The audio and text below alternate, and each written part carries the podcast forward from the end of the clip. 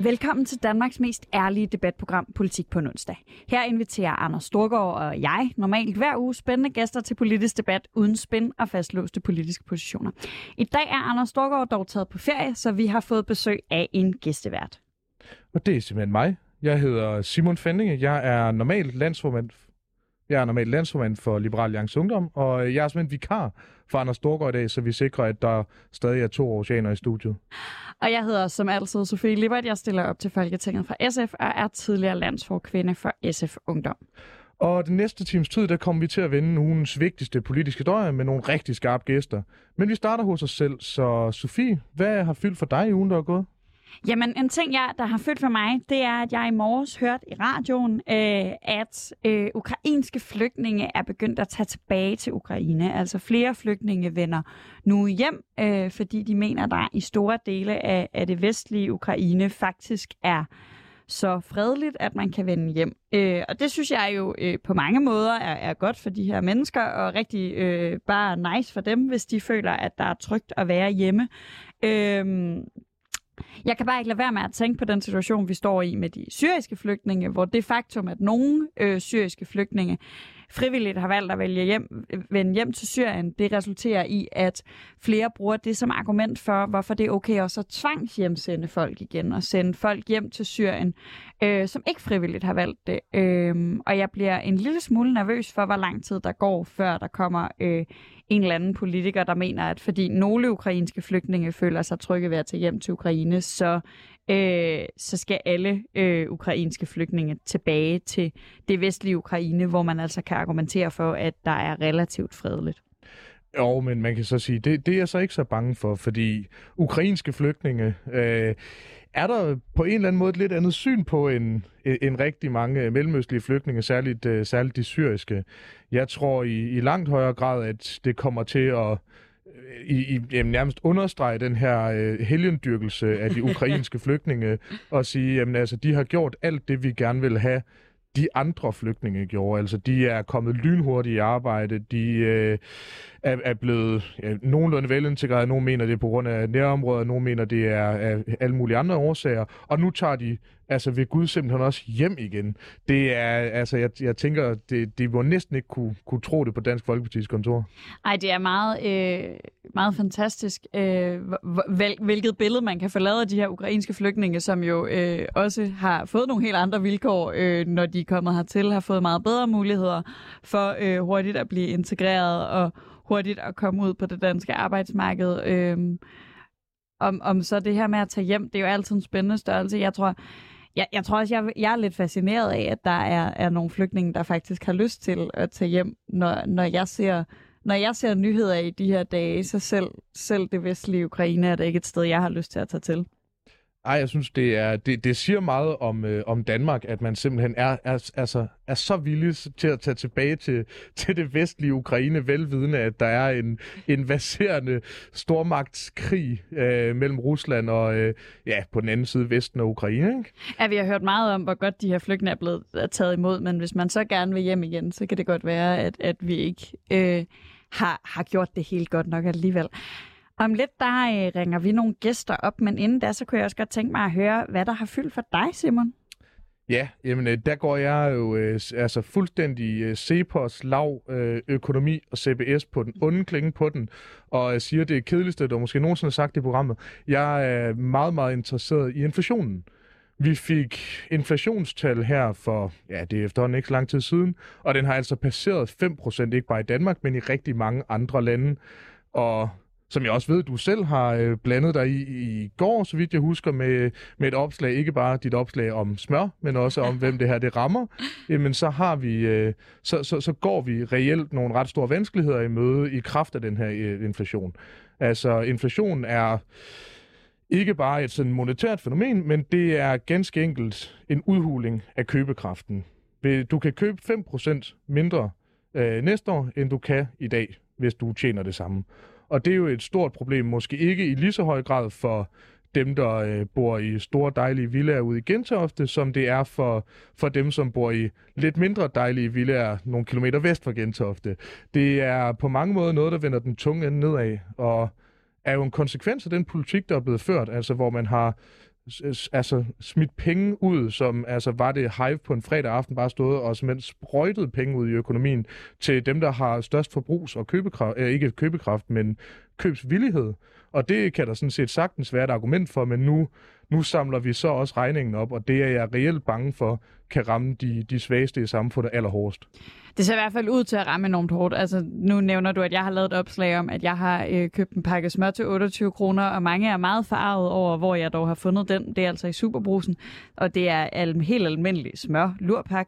Øhm, og, og alle de andre pakker koster altså også deromkring.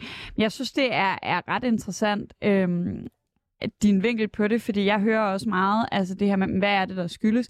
Meget af det handler også om ressourceknaphed, altså meget af, af prisstigninger handler også om, at på grund af krig, på grund af lande, der stadig er hårdt ramt af coronapandemi, den slags ting, så hele vores øh, sådan, øh, marked, hele vores fordeling af ressourcer, hele vores handel med hinanden, er blevet begrænset i en sådan grad, at det er jo også nogle meget specifikke varer. Jeg hørte hørt øh, i TV-avisen, at øh, snaps og ris, det er ikke rigtig steget, hvorimod øh, pasta og bajer, det er virkelig blevet dyrt. Altså, så det er også, øh, og, og især er øh, smør, altså mælkeprodukter generelt også øh, hårdt ramt, og selvfølgelig benzin. Så det er jo også nogle specifikke in, inflation bliver også drevet af, at der er nogle specifikke varer, som vi har mangel på, så vidt jeg forstår. Jamen, der, altså, der er jo flere slags inflation. Altså, øh, der er nogen, vi kan gøre noget ved, for eksempel efterspørgselsinflationen. Øh, der er nogle steder, hvor jamen, knaphed kan opstå af to ting. Enten øh, mangel på varer at lave det ud fra, eller, øh, eller for mange, der gerne vil have de her varer. Og man kan sige, at vi har jo pumpet en masse penge ud i økonomien, og det har jo øh, altså holdt efterspørgselen kunstigt op, så at sige. Tilsvarende så har vi både en almindelig omkostningsinflation, varen bliver dyrere, og øh, det, det, det, altså virksomheden skal jo tjene penge på en eller anden måde. Og så er der noget importeret inflation, altså hvor hvis varer bliver dyre i Italien, Tyskland osv., det er svært at gøre noget ved for, for os. Den gode nyhed er jo så selvfølgelig, at inflation øh, er med til at reducere øh, værdien af gæld. Så for alle dem, som øh, har taget lån, det mener jeg jo generelt set øh, er en rigtig god idé. Jeg mener, mener flere mennesker øh, burde, øh, burde tage lån. Øh, ikke, ikke kviklån, men øh, jeg er generelt set meget, meget for lån, og jeg mener, at kredit er den bedste opfindelse siden fladbrød. og, og der har man, ja, ja, jamen altså, jeg bliver me- mega nysgerrig på dit forhold til fladbrød, når du siger sådan, men det er jo, altså, og jeg tror også, det er vigtigt, når man har de, de her debatter, at man bliver nuanceret i det. Jeg tror måske også, nu siger du, at jeg skrev noget om det på Facebook i går. Jeg synes, det er svært det der med, fordi der er nogle mennesker, der sidder i en helt konkret, meget svær situation. Det er svært at få råd til dagligvarer. Og så sidder der altid en eller anden nar på Twitter og sådan øh, noget. 5% er der ikke ret meget, men hvis du er vant til at bruge den sidste krone, så er der ikke råd til at bruge 5% mere. Også selvom man kan synes, at 5% eller en 20. del ikke er særlig meget så, så er det en forskel. Men jeg, men jeg tror også, det er vigtigt, at, og måske især vigtigt, at nu Øh, introducerede du det her som kedeligt, men at man faktisk får taget nogle af de større samtaler med flere mennesker og får inddraget folk, der ikke nødvendigvis lever deres liv på CBS og øh, går til fester i lav, men som faktisk øh, også har brug for at forstå, øh, hvordan den her inflation øh, påvirker hele vores samfund. Jeg er fuldstændig enig.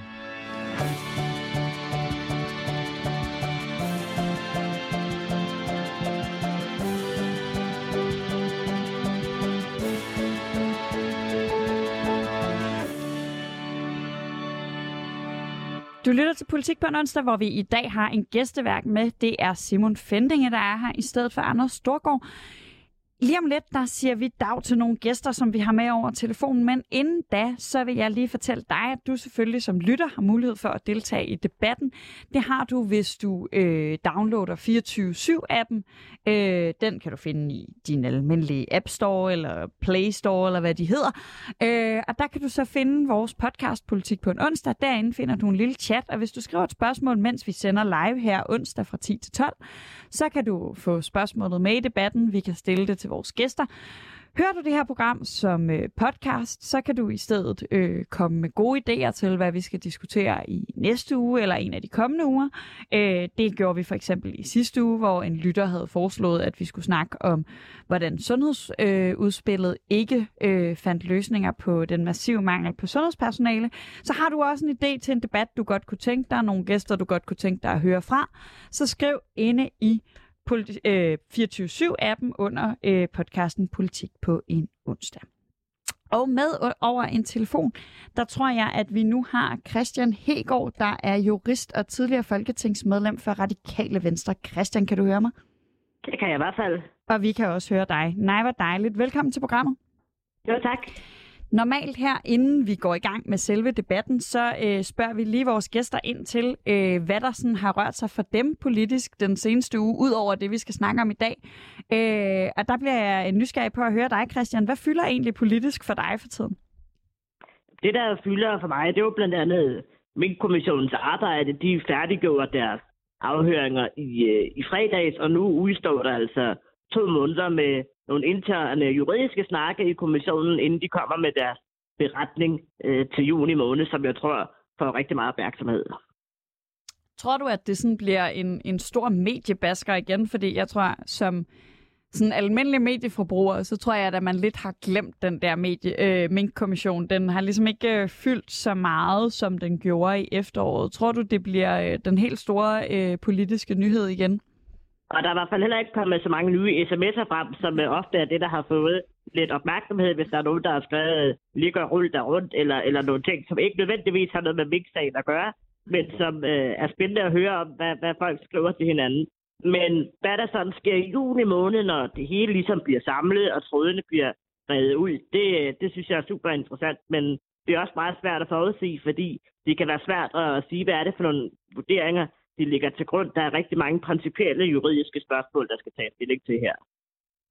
Men jeg, jeg, jeg er lidt nysgerrig på, Christian, hvor, øh, hvor står du henne i alt det her? Jeg ved godt, at øh, alt bevismateriale ikke er fremme, og det ene og det andet. Hvad, hvad er din fornemmelse? Vi står en matematiker og en øh, helt almindelig djøffer herinde, øh, som ikke ved noget om jura. Øh, og jeg tænker, du, du må have indsigten til ligesom at kunne sige, hvad, hvad, hvad er din fornemmelse af, af alt det her? Altså, de borgerlige mener jo, at lige så snart der, altså, der er vestenvind, så er det jo nærmest tegn på en, på en rigs, altså på altså forræderi, og øh, Christian Rabia Madsen mener jo øh, sikkert nok noget af det modsatte. Hvor, hvor står du henne i alt det her? Hvad er din fornemmelse? Ja, der er jo ikke tvivl om, der er nogen, der har meldt ud, der skal være en rigsret, uanset hvad, og særligt de, de borgerlige partier. Det synes jeg er lidt ærgerlig tilgang at have allerede inden, at, øh, at der kommer øh, et, et stort juridisk arbejde. Men jeg tror, at kommissionen kommer til at arbejde med lidt ligesom øh, Tibet-kommissionen har været inde på. Øh, det her med, jamen, når man har presset meget på i et ministerium, kan det så betyde, at man får ansvar for noget, der foregår et andet sted. Øhm, og hvor meget man er presset på, og, og, og hvornår det ligesom kan udløse lidt medvirkende ansvar. Det er noget af det, som jeg tror, at Mink-kommissionen lige nu i de her dage, de næste uger, kommer til at vurdere, og dermed om der ligesom er flere end bare dem i, øh, i Fødevareministeriet, der kan stå med at få en del af ansvaret i den her sag. Det er det, der er sagens kerne. Der er jo mange også, nu, øh, nu snakker vi om, at de borgerlige sådan hurtigere til at trække på, men der er også mange, der gerne vil drage paralleller til, til Inger Støjbergs sag. Øhm, og, og jeg må indrømme, jeg har, altså udover at vi selvfølgelig har at gøre med, med ministre, der, der måske har, har gjort noget, de ikke måtte, så har jeg svært ved at se øh, de store sådan, sammenligninger. Er, er der for dig sådan et, et parallelt forløb i, i Inger Støjberg-sagen og Mink-kommissionen? Nej, jeg synes ikke, man kan sige, at de, er, de sager er ens. Og det er de ikke, fordi i forhold til instruksdagen øh, med Inger Støjbergs sag omkring adskillelse af asylpar, der blev hun jo flere gange meget tydeligt anbefalet og øh, kan man sige, advaret om, at den retning, man ville gå i med at adskille alle asylpar uden undtagelse, at det ville være ulovligt. Der er ikke på samme måde, kan man sige, en rygende pistol i forhold til, at øh, de her ministre blev advaret om noget, inden beslutningen blev, blev truffet. Så, så derfor er det lidt, lidt forskellige ting. Øh, til gengæld kan man jo så sige, så er det jo så værre, det der har med min kommissionen at gøre, den del, der handler om, at når først man har slået mink ned, så kan man jo ikke genoprette øh, værvet igen. Øh, så derfor er det nogle usammenlignelige sager. Øh, men jeg ved godt, der er nogen, der er meget optaget af, at hvis Støjberg skulle få rigsretten, øh, så skal Mette Frederiksen også. Men det synes jeg er en, en meget, meget fejlagtig måde at stille det op på. Men, men som jurist må du vel også kunne se, at altså, det, det er klart, der skal du selvfølgelig forholde dig objektivt, ellers så tænker jeg, at, øh, at der vil være en mester, der kom efter, der sagde, at du, øh, du var blevet øh, levebrødspolitiker og det ene og det andet. Men som politiker, hvor, det ikke, hvor du ikke skal dømme ud fra beviser det ene og det andet, primært fordi de jo sjældent kommer frem, både fordi øh, noget af det bliver øh, holdt bag lukkede døre, noget andet fordi det bliver slettet, øh, at Altså, hvor synes du ikke, det virker mistænkeligt? Altså, der er jo en masse ting, der ligesom øh, falder sammen i, øh, i den her kontekst.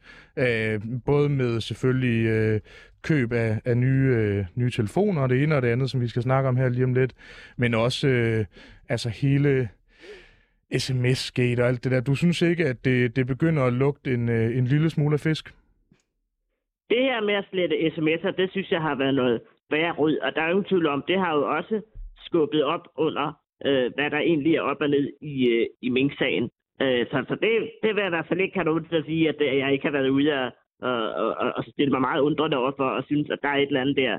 Fordi det skal jo være sådan, at når man nedsætter en undersøgelseskommission, jamen hvad er meningen med sådan en? Meningen med sådan en er, at man kommer til bunds med, med sagerne. Øhm, og når der er nogen, der oplever, at man ikke kan det, fordi sms'er lige pludselig bliver væk, jamen så mindskes den tillid, der jo skal være til, at undersøgelseskommissioner skal være det her store øh, våben, den store hammer, man kan bruge, når en sag skal undersøges til bunds. Så det er jeg, øh, har jeg været meget øh, ærgerlig over, at der har været, øh, kan man sige, en så øh, massiv sletning af sms'er, som der har fundet sted blandt øh, nogle meget få personer, som jo også er en del af det her minksagskompleks. Og Christian, nu, øh, nu, nu hvor vi har det også, fordi vi, øh, vi kører simpelthen hele to timer, hvilket er ikke bare dobbelt så meget som en time, men i anden time, der kommer vi jo til at diskutere den her reformkommission. Og bare så det hele ikke handler om sms'er og, øh, og Pink iPhone 13, så vil jeg gerne lige høre dig, øh, hvor står du egentlig på den her reformkommission? Hvad synes du om de forslag, der er blevet fremlagt? Jamen, jeg synes jo først og fremmest, at dansk økonomi har brug for, at man kommer ind på reformsporet. Så det, at, øh, at ligesom sker noget, at man starter debatten op og kommer i gang, det synes jeg er, er det helt rigtige. Jeg må så også være ærlig at sige, så jeg synes også, det er ærgerligt, at det ligesom er de, de unge, der særligt står for i, øh, i den her omgang, og der er i hvert fald ikke bare, kan man sige, et spørgsmål om reformer, men et spørgsmål om, hvordan ser vi ud, vores uddannelser fremadrettet. Øh, og der synes jeg ikke, at kommissionerne ligesom har taget øh, nok øh, hensyn til, hvordan ser vi uddannelse i, øh, i fremtiden, og hvordan øh, kan man sige, kan man også økonomisere det begreb, der hedder øh, dannelse, og det, der gør, at mennesker udvikler sig. Det savner jeg i, øh, i, i det her arbejde med at hilse velkommen. Jeg vil nu endelig øh, træde ind på et reformspor, hvor Danmark i den grad skal, skal ind på.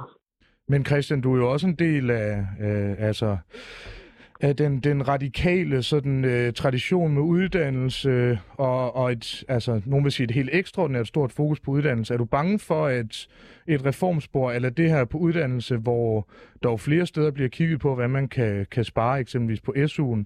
Er du bange for, at det her det bliver en, øh, en glidebane på vej til, til grønthøsterbesparelse i uddannelsessystemet?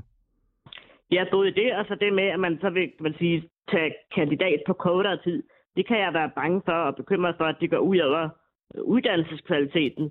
Og det synes jeg jo, at Danmark som uddannelsesland skal øh, udvikle sig i at have endnu mere uddannelseskvalitet og blive dygtigere og ikke indskrænke vores uddannelser. Og det er et sted, hvor jeg synes, at, øh, at kommissionen måske ikke er, er på helt rette sporet. Som, øh, som både du, Christian, og lytterne måske kan høre, så mangler vi lige øh, vores anden gæst her. Øh, og jeg tænker egentlig, at øh, det, der kommer til at ske nu, det er, at nu spiller jeg lige en lille lyd, og så går vi så småt øh, i gang med øh, dagens debat.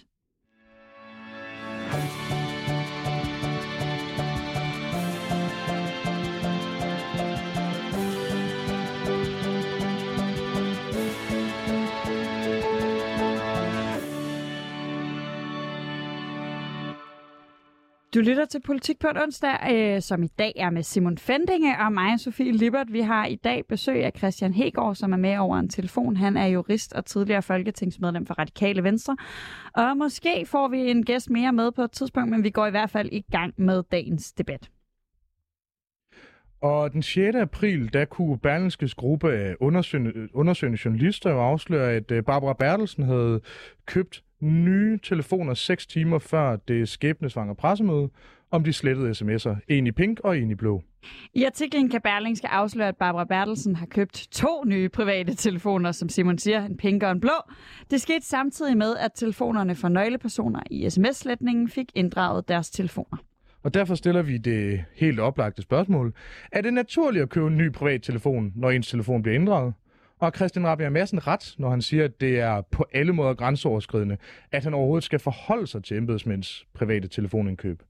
Eller er det Morten Messerschmidt og flere af hans borgerlige kolleger, der har ret, når de siger, at det lugter af, at Barbara Bertelsen har behov for at skabe et nyt lukket rum, sådan at man kan kommunikere uden om reglerne om agtindsigt?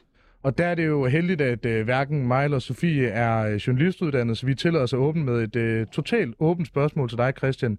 Hvor står du i hele den her debat med dine nye telefoner? Jamen, jeg er sådan set fuldstændig ligeglad, om en departementchefs telefon er lysrød eller blå. Der er meget at komme efter i Mink-sagen. Der er meget at kritisere om i forhold til slettede sms'er i Mink-sagen. Men at det skal være en historie, at en departementchef går fra at have en telefon med arbejdsliv og privatliv til at have to telefoner, hvor den ene er privatliv, det kan jeg simpelthen ikke se problemet i. Men hvis vi kigger på eksempelvis, hvad øh, Rasmus Jarlov han siger, så siger han jo, at man kan få den tanke, at købet kunne være et forsøg på at kommunikere udenom de offentlige systemer. Vi ser også øh, Morten Messerschmidt og øh, Alex Vanderslag øh, være ude og, og komme med kritik om, at man mener simpelthen, det er næsten at omgå de, de demokratiske systemer, og det lugter i hvert fald om ikke andet lidt af fisk. Hvor, hvor står du på den kritik? Er den ikke fuldstændig legitim? For det første, når de starter med at sige, at man kan få den tanke, øh, så understreger det jo alt andet lige, at der er tale om rene mistanker. Altså, der står jo også meget tydeligt i Berlinskes artikel, at øh, de har ikke nogen information om, at der er forsøgt at slette indhold.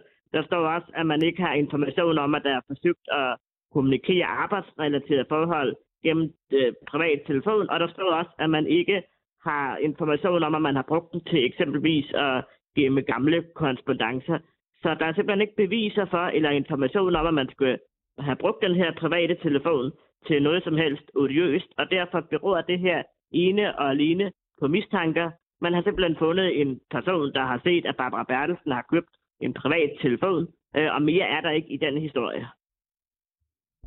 Men nu siger du godt nok, at der ikke er, er mere i den historie, men man kan sige, det er jo en situation, hvor der er så mange, vil øh, nogen øh, onde tunger nok hævet, så mange sammenfaldende ting med sms'er, med sletning af samme sms'er, med øh, Mette Frederiksen, der finder ud af det her, øh, altså nærmest flere, flere uger efter alle vi andre egentlig har, har vidst, det var ulovligt, at nu oven i det hele, så, så ser vi, at samtidigt næsten, med, med pressemødet, der køber, øh, der køber Barbara Bertelsen ikke én, men to telefoner. Kan du ikke godt se, at selvom intet af det er en smoking gun, at det sender et, øh, en lille smule uheldigt signal, lidt ligesom hvis jeg konsekvent kom for sent hjem til min forlovede og lugtede af, af spiritus og, og nøgne damer havde, øh, havde hotelværelsesregninger for, øh, for, for den, altså en god million. Og hvis du kom hjem øh, for sent øh, derhjemme om aftenen, så ville det jo være op til dig at vurdere det. Det vil bare ikke have offentlighedens interesse, at, øh, at du gjorde det. Og på samme måde er det altså helt normalt, at en embedsmand øh, kan have en øh, privat telefon. Man kan ønske at kommunikere med familien og, og venner, uden at det skal ske på den telefon, der bimler og bamler hele tiden, fordi det er en arbejdstelefon. Og derfor synes jeg, når man ikke kan insinuere eller gøre øh, kan man sige, flere bevisende gældende i forhold til, at den nye private telefon så rent faktisk kan være blevet brugt til noget, øh, noget grums. Øh, så synes jeg, at, at det er lige lovligt tidligt at gøre det til en historie, hvor man skruer ud på forsiden med fem journalister øh, osv. Så, så du mener faktisk, at det er, er problematisk, at Berlingske overhovedet har bragt den her historie, fordi jeg, jeg bliver sådan lidt nysgerrig på, øh, og det er altid fedt, når man har folk i, i, med i en debat, og høre dem, om de egentlig synes, det her det er en debat, vi skal tage. Altså, mener du i virkeligheden, at Berlingske skulle have lavet være med at bringe den her artikel?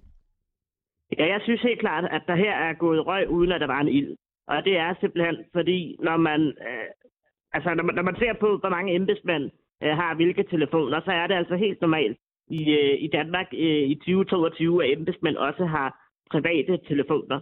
Og her er der altså tale om, at Barbara Bertelsen, hun har tidligere igennem noget tid haft én telefon. Den her telefon har hun brugt både arbejdsrelateret og privatlivsrelateret. Så har hun så besluttet sig i forbindelse med, at hun skal indlevere sin telefon. Så har hun synes, at vil hun altså gerne have en privatlivstelefon. Og det kan jeg måske godt forstå, hvis man lige pludselig ikke har en telefon de kommende dage, fordi man skal indlevere den til kommissionen, så de kan tjekke, øh, hvad der er på den. Så synes jeg ikke, der er noget normalt, unormalt i, at man så har en, man kan bruge som øh, privatlivstelefon, og også kommer til at bruge øh, fremadrettet. Øh, så jeg har lidt svært ved at se, hvad der egentlig var at sige, Berlinskes idé om, at der skulle være en historie i det her. Med mindre, at man havde nogle billeder af, at de havde brugt Signal eller en eller anden fancy app, WhatsApp eller et eller andet til, at der var noget kommunikation på, som kunne gøre det mistænksomt, at man rykkede over på en øh, anden telefon. Men eftersom at det ikke er der, så kan jeg ikke se, hvad historien i den her konkrete sag lige skulle være. Selvom at den kunne være interessant, hvis der var noget at komme efter. Jeg tror måske, vi nærmer os at få vores øh, anden gæst med. Øh, ja, det gør vi. Jeg tror, jeg kan tænde for ham. Her, Morten Messersmith, har vi dig med her? Jeg er så tændt. Nej, hvor dejligt. Tusind tak. Morten Messersmith, du er formand for Dansk Folkeparti, og vi er jo i fuld gang med herinde i studiet at diskutere øh, den her sag omkring øh, Barbara Bertelsens telefoner, som yeah. øh, Berlingske skrev om her i sidste uge, at Barbara Bertelsen altså øh, købte to nye telefoner lige omkring det tidspunkt, hvor vi alle sammen snakkede om sms-skandale. Øhm, og du siger, at det lugter af, at Barbara Bertelsen har behov for at skabe et nyt lukket rum, sådan at man kan kommunikere uden om reglerne om agtindsigt. Mener du simpelthen, at den her sag, den tyder på, at Barbara Bertelsen, hun prøver at snyde os alle sammen?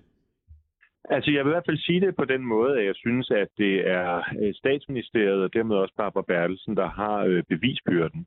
Øh, der er så mange underlige ting i hele den her sag i forhold til, hvordan man har gebærdet sig. Altså slettet sms'er, og statsministeren har ikke villet oplyse, hvor mange telefoner hun har haft osv. Vi havde et et samråd før jul, hvor, øh, hvor øh, jeg sad og spurgte meget insisterende statsministeren, om hun ikke der kunne kontakte øh, statsministeriets øh, IT-afdeling og spørge, hvor mange telefoner har hun haft, sådan at man ville kunne køre nogle søgninger på, hvilke, øh, hvilke telefonnumre, der har kommunikeret med, med hvad osv. Det så hun så ikke i stand til. Jeg skrev så under samrådet ned til Folketingets IT-service øh, og spurgte, hvor mange telefoner har jeg egentlig haft? Og de var altså på 20 minutter i stand til at printe en liste ud over præcis, hvor mange gange jeg havde skiftet telefoner osv. osv. siden 2015. Og når man er så uvillig til at bidrage til, at øh, sagen kan komme for lys, så at sige, i en sag, der altså muligvis handler om ekspropriation til mere end 20 milliarder kroner, hvor det skete uden øh, lovhjemmel, øhm, så synes jeg altid, at det er statsministeriet og dets ansatte, der har bevisbyrden.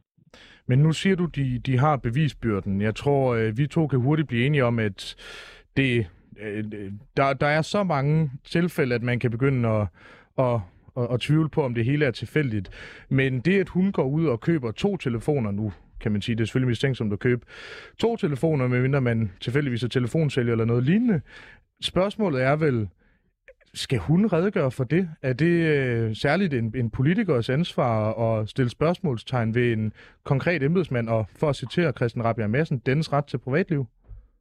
Nu er Barbara Bertelsen jo ikke bare en hver øh, embedsmand. Altså alle ved jo, hvor tæt forbundet til statsministeren øh, hun er, og det er også derfor, det er så interessant, at hun køber ikke bare en, men to telefoner øh, i det der øh, pågældende tidsrum.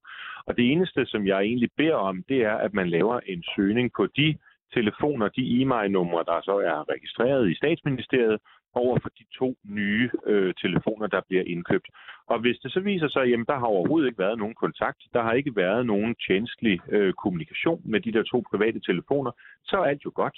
Øh, så er der ikke nogen øh, grund til at gå videre ned ad det spor. Men viser det sig derimod, at, øh, at der er flere i øh, statsministeriet, øh, som har kommunikeret intensivt efter den 3. november med de der to telefoner, jamen så er det klart, så lugter det jo af, som jeg skrev på Twitter, at man har forsøgt at skabe sig et nyt lukket rum. Christian Hegård, øh, nu siger Morten Messersmith her, at han mener faktisk, at bevisbyrden ligger... Øh, du, du var inde på, inden vi fik Morten Messersmith med, at, at det her ikke er noget, der burde have offentlighedens interesse, fordi det bare er en mistanke. Men Morten Messersmith peger på, at han faktisk mener, at det er øh, Barbara Bertelsen og statsministeriet, der skal redegøre for, at det ikke er mistænkeligt. Er du enig i det, Christian Hegård? Jeg er enig i det, Morten Messersmith sagde omkring det her samråd før jul. At der er det altså noget mystisk, at man ikke kan få at vide, hvor mange øh, telefoner har til statsministeren og andre i statsministeriet brugt, fordi det er jo telefoner, der er øh, kan man sige, arbejdsrelateret, at man ikke kan få mere dybtegående indsigt i det, det er altså noget mærkværdigt, og det kan man altså øh, naturligvis godt, hvis man bliver ved med at insistere på det, og det er godt, der er gode kræfter, der gør det. Men i forhold til det med, hvor man så køber uden for embedsmedstyr, køber en privat telefon, en i lyseblå, øh, en i, i lyserød, at det, det, det synes jeg ikke, at man har en bevisbyrde for ligesom at sige, at man ikke bruger den til. Så er vi altså noget langt ud, hvis øh, embedsmænd skal til at redegøre for, hvad de i privat regi bruger deres private telefon, eller hvad de ikke bruger deres private øh, telefoner til. Der er det ligesom alle andre steder, man er uskyldig indtil det modsatte er bevist. Jeg beder heller ikke om at få belyst. Nå. ja, men du må gerne svare, Morten Messerschmidt. Jamen, det er bare for, jeg tror ikke, vi er så uenige, Hegård og jeg, fordi jeg er ikke interesseret i, hvad Barbara Bertelsen måtte have brugt sine privattelefoner til af kommunikation med børn og forældre og ægtefæller og alt muligt. Det, jeg beder om, det er statsministeriets telefoner. Altså, jeg ved ikke, der er vel 50-75 telefoner registreret over i statsministeriet. Der må man kunne køre en søgning igennem TDC på, har de kommunikeret med de der to private numre? Og det er jo det, der er interessant. Det er jo ikke interessant, hvad der har været af privat kommunikation mellem de der, øh, de der private numre, som Barbara Bertelsen så godt nok på et meget, meget højspændt tidspunkt, hun vælger at anskaffe sig. Det er netop øh, statsministeriets kommunikation med de to telefoner, som er det centrale. Så jeg er ikke uenig i, at selvfølgelig har embedsmænd ret til et privatliv og alle de her, øh, alt, alt det her, som, som bliver nævnt. Men Barbara Bertelsen er jo en meget, meget central person i hele Mink-affæren. Det er også derfor, hun flere gange er inde og har været afhørt i Mink-kommissionens arbejde osv. Så, så, så, så det, der er interessant, det er, på det tidspunkt, hvor det går op for pressen, at man rent faktisk har den her slette praksis, og det går op for Barbara Bertelsen og Mette Frederiksen, at pressen nu er på sporet af, at man har indført en slette praksis. Sker der så det, at de køber to telefoner, som man så kan unddrage de almindelige regler i forvaltningsloven om magtindsigt, eller er det bare et rent tilfælde? Og som tingene står, hvis nu ikke det var sådan, at Barbara Bertelsen og Mette Frederiksen havde foranledet det formodentlig største og mest alvorlige lovbrud, en regering i hvert fald til dato har gennemført, så kunne man godt sige, hvad rager det nogen? Men nu er vi jo netop i en situation, hvor hele den her minkaffære kører, og det er netop i den periode, Barbara Bertelsen vælger at anskaffe sig telefonerne. Og der er det bare nødt til at sige, så er det altså statsministeriet, der har bevisbyrden for, at de telefoner ikke har været anvendt til at unddrage sig offentlighedens hævner, især pressens opmærksomhed. Man skal bare huske på, at selvom der er tale om private... du lytter til politik på Du får ordet lige om lidt, Christian Hækgaard, det lover jeg dig. Øh, men vi skal lige fortælle, at du lytter til Politik på en onsdag med Simon Fendinge i dag, og mig, Sofie Lippert. Vi har i dag Morten Messerschmidt og Christian Hegård med over telefon, der er henholdsvis formand for Dansk Folkeparti og jurist og tidligere folketingsmedlem for Radikale Venstre. Barbara Bertelsens telefonindkøb har skabt en del diskussion om embedsmændenes rolle. I en tid, hvor politikere bliver kigget mere og mere efter i sømne af medierne, er tiden nu også kommet til embedsmændene. Og er det rimeligt, når embedsværket er blevet mere politiseret, at embedsværket nu også bliver kigget efter i sømne? Eller vil det her, som Christian Rabia Madsen siger, påvirke vores evne til at rekruttere dygtige embedsmænd? Så jeg spørger dig, Christian Hegård, tror du, at debatten om Barbara Bertelsens private telefonindkøb kan simpelthen skade vores embedsværk på sigt? Øh, ej, det, det tror jeg ikke. Ikke den konkrete enkeltstående sag. Øh, det, det tror jeg ikke. Jeg tror at der er mange, der synes, det er spændende arbejde i den offentlige forvaltning, spændende at understøtte øh, regeringen, spændende at understøtte øh, politikere og, og, og, kan man sige, det politiske Danmark i det hele taget. Så det er jeg slet ikke bekymret for. Der er masser af dygtige embedsmænd derude, og det vil der fortsat være, uanset om offentligheden får at vide, at en telefon er blå eller lyserød. Der har været en del fokus netop, altså mange af dem, der øh, forsvarer, øh, eller i hvert fald er imod, at Berlingske har lavet den her historie, de peger jo på, at det er en, en, et angreb på Barbara Bertelsens øh, privatliv.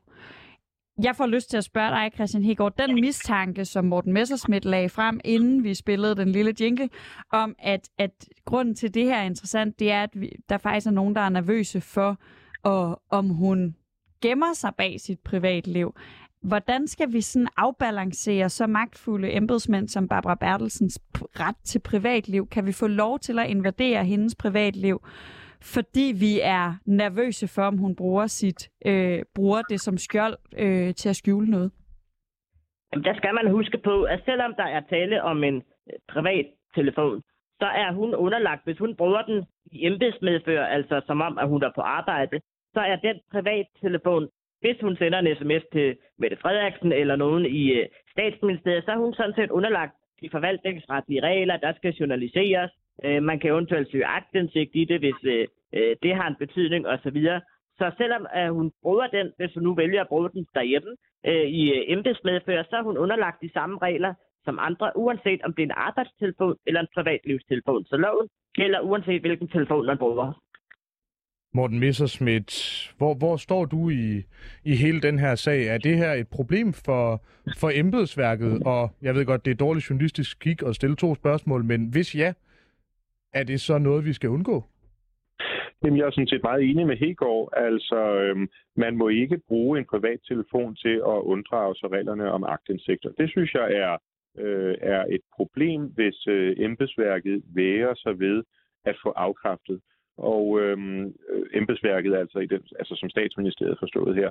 Øhm, og, og jeg ved godt, at, at det er at vende bevisbyrden om, men det mener jeg, der er en begrundelse, øh, ret god begrundelse for, øh, fordi vi har set, at statsministeriets leder, statsministeren, altså tidligere ikke har ville levere det, øh, som skulle til for, at man kunne øh, undersøge tingene til bunds. Så det hele, man kan sige, starter jo med, her er et kæmpestort problem, Mink-sagen. Den vil vi gerne have endevendt. Statsministeriet modarbejder, og i den situation, der er man jo så nødt til at sige, jamen, øh, kunne det være en del af den modarbejdelse, at man rekvirerer private telefoner? Og hvis det er det, og hvis der var en begrundet mistanke om det, så håber jeg, at der er nogen, der tager det, tager det, tager det op. Og det kunne så for eksempel være min kommissionen. Når, når vi, altså Christian Hegård, han peger på, at, at, at det jo egentlig stadig er ulovligt. Altså er det ikke lidt voldsomt, Morten Messerschmidt, at gå ud og, at mistænke Barbara Bertelsen for at ville skjule informationer gennem en privat telefon, når de, øh, det eventuelle arbejde, hun skulle lave over den private telefon, stadig er, skal journaliseres som, som alt andet. Er det ikke en lidt voldsom anklage at smide mod øh, en, en embedsmand, der har meget svært ved for eksempel at forsvare sig øh, offentligt, fordi hun netop er embedsmand og ikke politiker? Og nu har jeg ikke indtryk af, at, øh, at Barbara Bertelsen på den måde er en sart mimose. Øhm, altså alene den måde, hun skriver, altså hun skriver sms'er til, til, til øh, ministre om, at de skal kaste sig ned på ryggen og dreje rundt, og hvad ved jeg. Altså, så jeg tror ikke, hun på den måde øh, har, har, har, har blød hud øh, på sjælen, hvis man kan bruge det udtryk. Og altså sagen her minder jo lidt om for eksempel det, man diskuterede også i USA, da Hillary Clinton havde oprettet en privat øh, e-mail, som hun så brugte i embeds medfør. Så det er jo ikke ualmindeligt, at de her slags ting, de opstår. Øhm, og der må man bare sige, at Barbara Bertelsen er jo ikke sådan en tilfældig embedsmand i statsministeriet. Øh, hun er og har været det gennem rigtig, rigtig lang tid. Øh, først i beskæftigelse, så i Justitsministeriet og nu i Statsministeriet øh, altså den absolut tætteste med Mette Frederiksen. Prøv at se, øh, hvordan den ukrainske ambassadør for en uges tid siden var ude og omtale hende som jo nærmest altså på niveau med statsministeren. Så det er klart, havde det været en eller anden øh, kontorfuldmægtig nede øh, af gangen, så havde man sagt, okay, det har måske ikke den helt store relevans at få undersøgt her. Men netop fordi det er en person, der har fået eller har tiltaget sig så utrolig meget magt, øhm, så synes jeg ikke, at man kan unddrage sig den opmærksomhed, der må gælde for folk, der har magt, blot fordi man altså så ikke er folkevalgt. Det er jo lidt det samme diskussion, vi havde i forhold, altså uden sammenligning i øvrigt, men, men med, med Martin Rossen, som jo også var, øh, var, var, var ansat i statsministeriet som stabschef, men jo trådte ind på den politiske scene ved at sidde i koordinationsudvalget.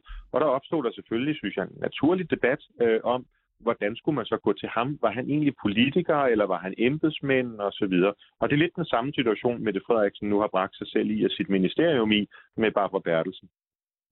Men, og nu kommer vi til et professionelt politisk embedsværk øh, lige om fem minutter, men jeg kunne da godt tænke mig at spørge dig i, i det regi. Synes du, man kan forvente af embedsmænd, som i hvert fald nominelt er neutrale, at de skal være ude i medierne og forsvare sig? Man kan sige, det her det er jo en, en, en mulvarpe finte, hvor det er meget, meget svært at gemme sig. Hvis man er embedsmand, så har man vel også muligheden for det. Bliver det ikke hurtigt en bokseboldsdiskussion, snarere en reel dialog i medierne? Jo, øh, og derfor ville det jo også være så smart, hvis statsministeriet bare lavede de der søgninger. Altså, ligesom Folketinget er i stand til ret hurtigt at tilvejebringe det på min foranledning, så tror jeg altså ikke, det ville tage mange sekunder for statsministeriet, hvis statsministeren bad om, at øh, de telefoner, der nu er registreret under statsministeriet, øh, der laver man lige en køring på, hvad har der været af dataudveksling mellem dem og de to telefoner, som Barbara Bertelsen kørte på det her tidspunkt. Det behøver Barbara Bertelsen sådan set overhovedet ikke at skulle stå frem i medierne eller noget som helst for. Hun skal bare give samtykke over for statsministeren, øh, for at det kan, det kan ske. Øh, og så kan det blive, øh, blive fragt til veje, og så hvis der ikke er noget, hvis der ikke har været nogen kommunikation, så er der jo ikke noget at skulle forsvare. Hvis der har været kommunikation derimod, jamen så er der jo noget, der lige pludselig skal forklares, fordi så er vi ude i en situation, hvor, øh, hvor øh, en, en højtstående embedsmand øh, har forsøgt at unddrage sig den øh, offentlighed, der følger forval- forvaltningsloven. Så, så jeg kan ikke se, uanset hvilken vej man angriber det her, hvordan man kan komme uden om, at det her det bare er et paradoxalt problem, som statsministeren har skabt for sig selv, øh, og som hun nægter at løse, og som vi i oppositionen derfor bliver nødt til desto stærkere at insistere på. Men nu snakkede du også tidligere om privatliv. Jeg er lidt nysgerrig på nu. Du nævner også, at uh, Mette Frederiksen og Barbara Bertelsen arbejder sammen i Beskæftigelsesministeriet, Justitsministeriet, mm. nu i Statsministeriet. Jeg ved godt, at man ikke skal være venner med sin chef, hvis man spørger uh, folk, der er, der er klogere end mig. Men antaget man nu er det, kan man have et uh, privatliv på ens arbejde? Det er jo ikke sikkert, at de sms'er, der bliver sendt til eksempelvis Mette Frederiksen, nødvendigvis er noget, der skal frem i lyset. Altså selvom at man bruger sin telefon delvis til, til arbejdsliv, underminerer det retten til privatliv, og står det højere end retten til privatliv? Nej, så kan man jo lave et lukket rum, hvor, øh, hvor der er nogle øh, kvalificerede folk, der under tavshedspligt kan få lov til at gennemgå det her. Og mit øh, bedste bud vil jo være, at det kunne være min kommission. altså, øhm, det er jo folk, der, der er kendt for at kunne behandle fortroligt materiale med en meget, meget stor øh, seriøsitet, øh, og ikke bryder øh, deres øh, tavshedspligt osv. Så, så sørg der for, hvis der er øh, udvekslinger om sådan noget med, hey, har vi mere kaffe på kontoret, eller skal jeg lige tage noget med? Øh, jamen så vil Mink-kommissionen da godt kunne finde ud af at sige, at det har ingen relevans her. Men, men er der for eksempel sms'er af en karakter, hvor øh, skal jeg ikke lige bede øh, øh, fødevareministeren om at tage skylden for, at vi har eksproprieret et helt minkerhverv, øh, så har det jo en lidt anden karakter.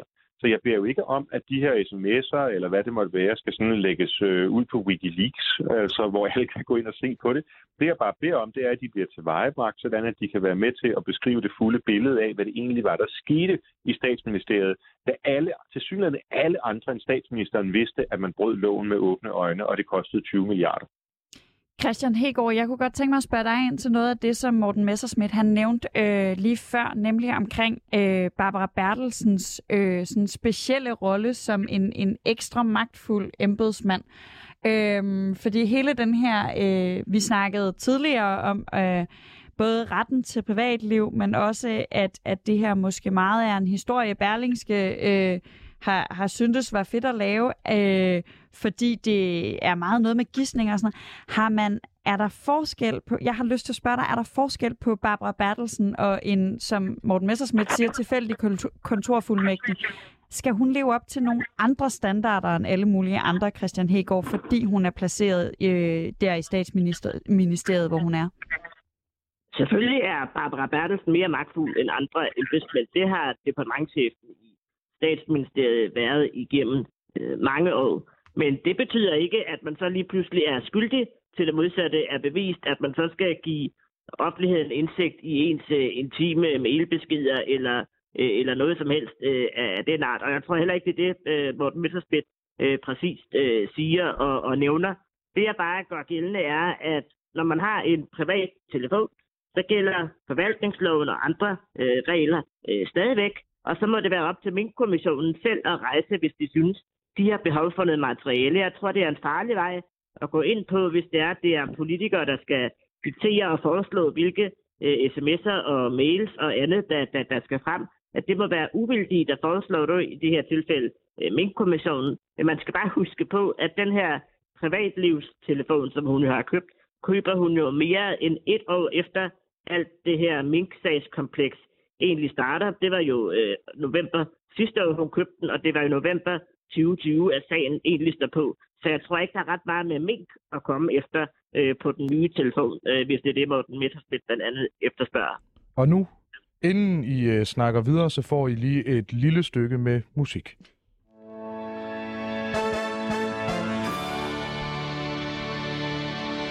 Du lytter til Politik på en onsdag med Simon Fendinger og Sofie Lippert. Vi har i dag besøg af Morten Messersmith, der er formand for Dansk Folkeparti, og Christian Hegård, der er jurist og tidligere folketingsmedlem for Radikale Venstre. Barbara Bertelsens telefon sagde jo bare senest skud på sammen, skammen i, ja, skammen, stammen, Jesus Kristus, ja, jeg skal nok lige strække snak smil, i halvandet års diskussion om mink og lovbrud, og en jamen, endnu længere diskussion om et politiseret embedsværk, der var blusset op, da en ja, nu tidligere pressechef i Finansministeriet sagde, og jeg citerer, at det var en svær stilling at have, hvis man ikke er professionel socialdemokrat.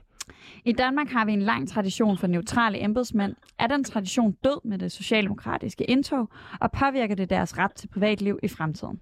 Og nu hvor vi står en øh, absolut ikke professionel socialdemokrat og en SF'er, som jo så dermed er uprofessionel socialdemokrat, tror du så, Morten Messersmith, at vi er på vej mod et politiseret embedsværk?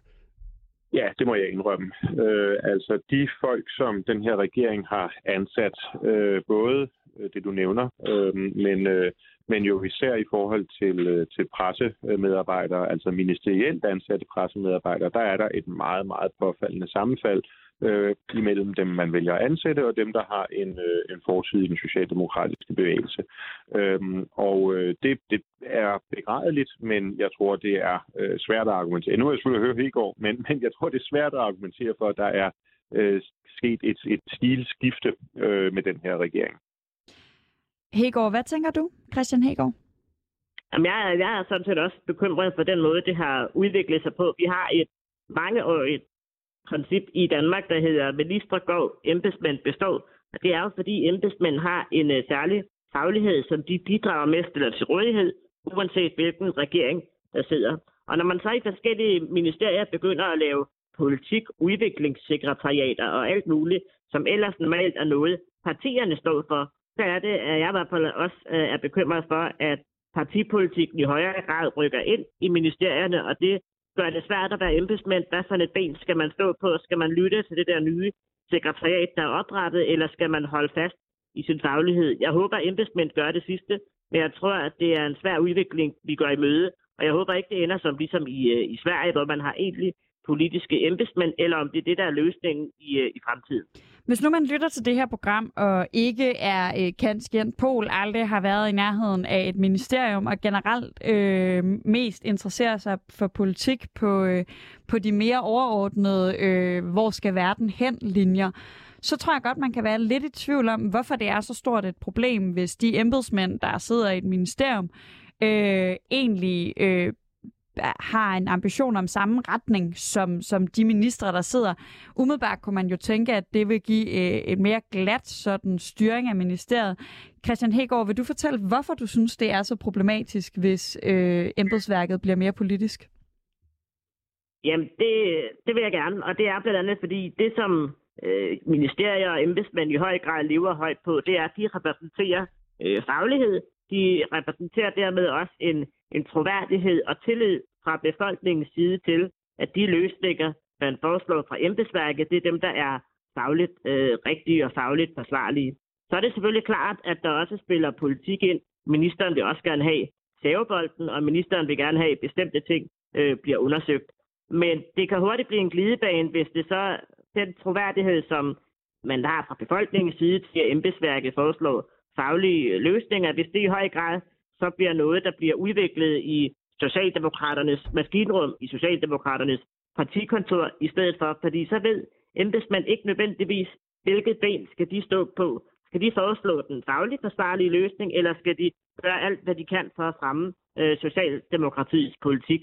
Vi har også set det under den her coronatid, hvor at øh, nogle af de her sundhedspersoner fra øh, sundhedsmyndighederne er blevet kørt lige lovligt meget frem til at anbefale øh, noget, der måske ikke nødvendigvis øh, kom fra deres øh, andedam, men som er blevet brugt til at, ligesom at legitimere øh, nogle socialdemokratiske synspunkter. Og det her forhold mellem, hvad ben man skal stå på som embedsmænd, det tror jeg, øh, vi, vi skal se nærmere på, hvordan det foregår i, øh, i praksis. Morten Messerschmidt, øh, du og Christian Hegård har jo egentlig samme faglighed. I har begge to en baggrund i jura, men det betyder jo ikke nødvendigvis, at de er enige om, øh, hvad der altid har den samme faglige vurdering. Vil embedsmænd ikke altid øh, have øh, en eller anden politisk holdning, der måske kan på- påvirke deres faglige vurdering? Og det er derfor ikke okay, at Socialdemokratiet faktisk har lyst til, at deres embedsmænd øh, måske skal have en mere øh, socialdemokratisk vurdering, frem for måske at ende i et ministerie, hvor øh, alle embedsmænd embedsmændene er øh, super liberale? Jo, man skal bare deklarere det. Det er det, det handler om i virkeligheden. Altså, øh, problemet er, at Socialdemokratiet i øjeblikket er ved at farve embedsapparatet og gøre det øh, politisk, men de vedstår sig det ikke. Og det er jo det, der er problemet, fordi så gør man noget, hvor man får embedsapparatet til fortsat at fremstå med den øh, upartiskhed, som, som har været den historiske, øh, det, det historiske rigtige, øh, men hvor indholdet i virkeligheden begynder at skride. Så, så man, hvis man går ud og deklarerer det og siger, jamen vi vil gerne i retning af den amerikanske model, hvor ministerne tager deres centrale embedsfolk med, når de går, og så ansætter den nye minister sine egne osv., så, så skal man jo bare gøre det. Og jeg vil bare gerne supplere Hegård, øh, fordi jeg synes, de betragtninger, han gør sig er rigtige, men der er jo også det øh, mere institutionelle problem, at vi i Folketinget jo faktisk i vidt omfang øh, besinder os på de ting, vi får fra regeringen. Altså hvis der er et juridisk øh, spørgsmål, øh, også af en politisk karakter, øh, som vi går og tumler med i Folketinget, så spørger vi jo for eksempel Justitsministeriet, altså er det for eksempel suverænitetsoverdragelse, hvis, man, øh, hvis Danmark skal med i EU's bankunion. Det er sådan en ting, vi, jeg i hvert fald er gået og nørdet lidt med. Og øh, det er noget, man diskuterer i teorien. Nogle professorer siger, det er det, og andre siger, det er det ikke. Og når man så spørger Justitsministeriet, så mener Justitsministeriet sjovt nok, det er det ikke. Øhm, og det er der, hvor man er nødt til at være sikker på, at det så er en helt nøgtern faglig vurdering, og ikke en politisk. Jeg har jo foreslået, i øvrigt, jeg ved godt, at det, det kan komme til at virke meget sådan, for, for bruderligt alt det her, men, men sådan er politik jo også nogle gange.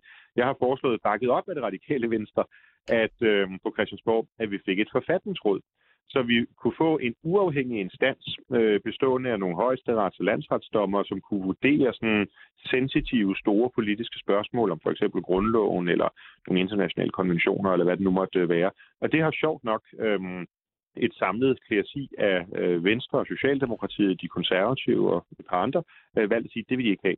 Øhm, og det skaber et problem, hvis vores øh, embedsapparat i ministerierne bliver mere og mere politisk, fordi hvor skal vi i Folketinget så gå hen, hvis vi gerne vil have en nøgtern, sådan objektiv eller tilstræbt objektiv redegørelse?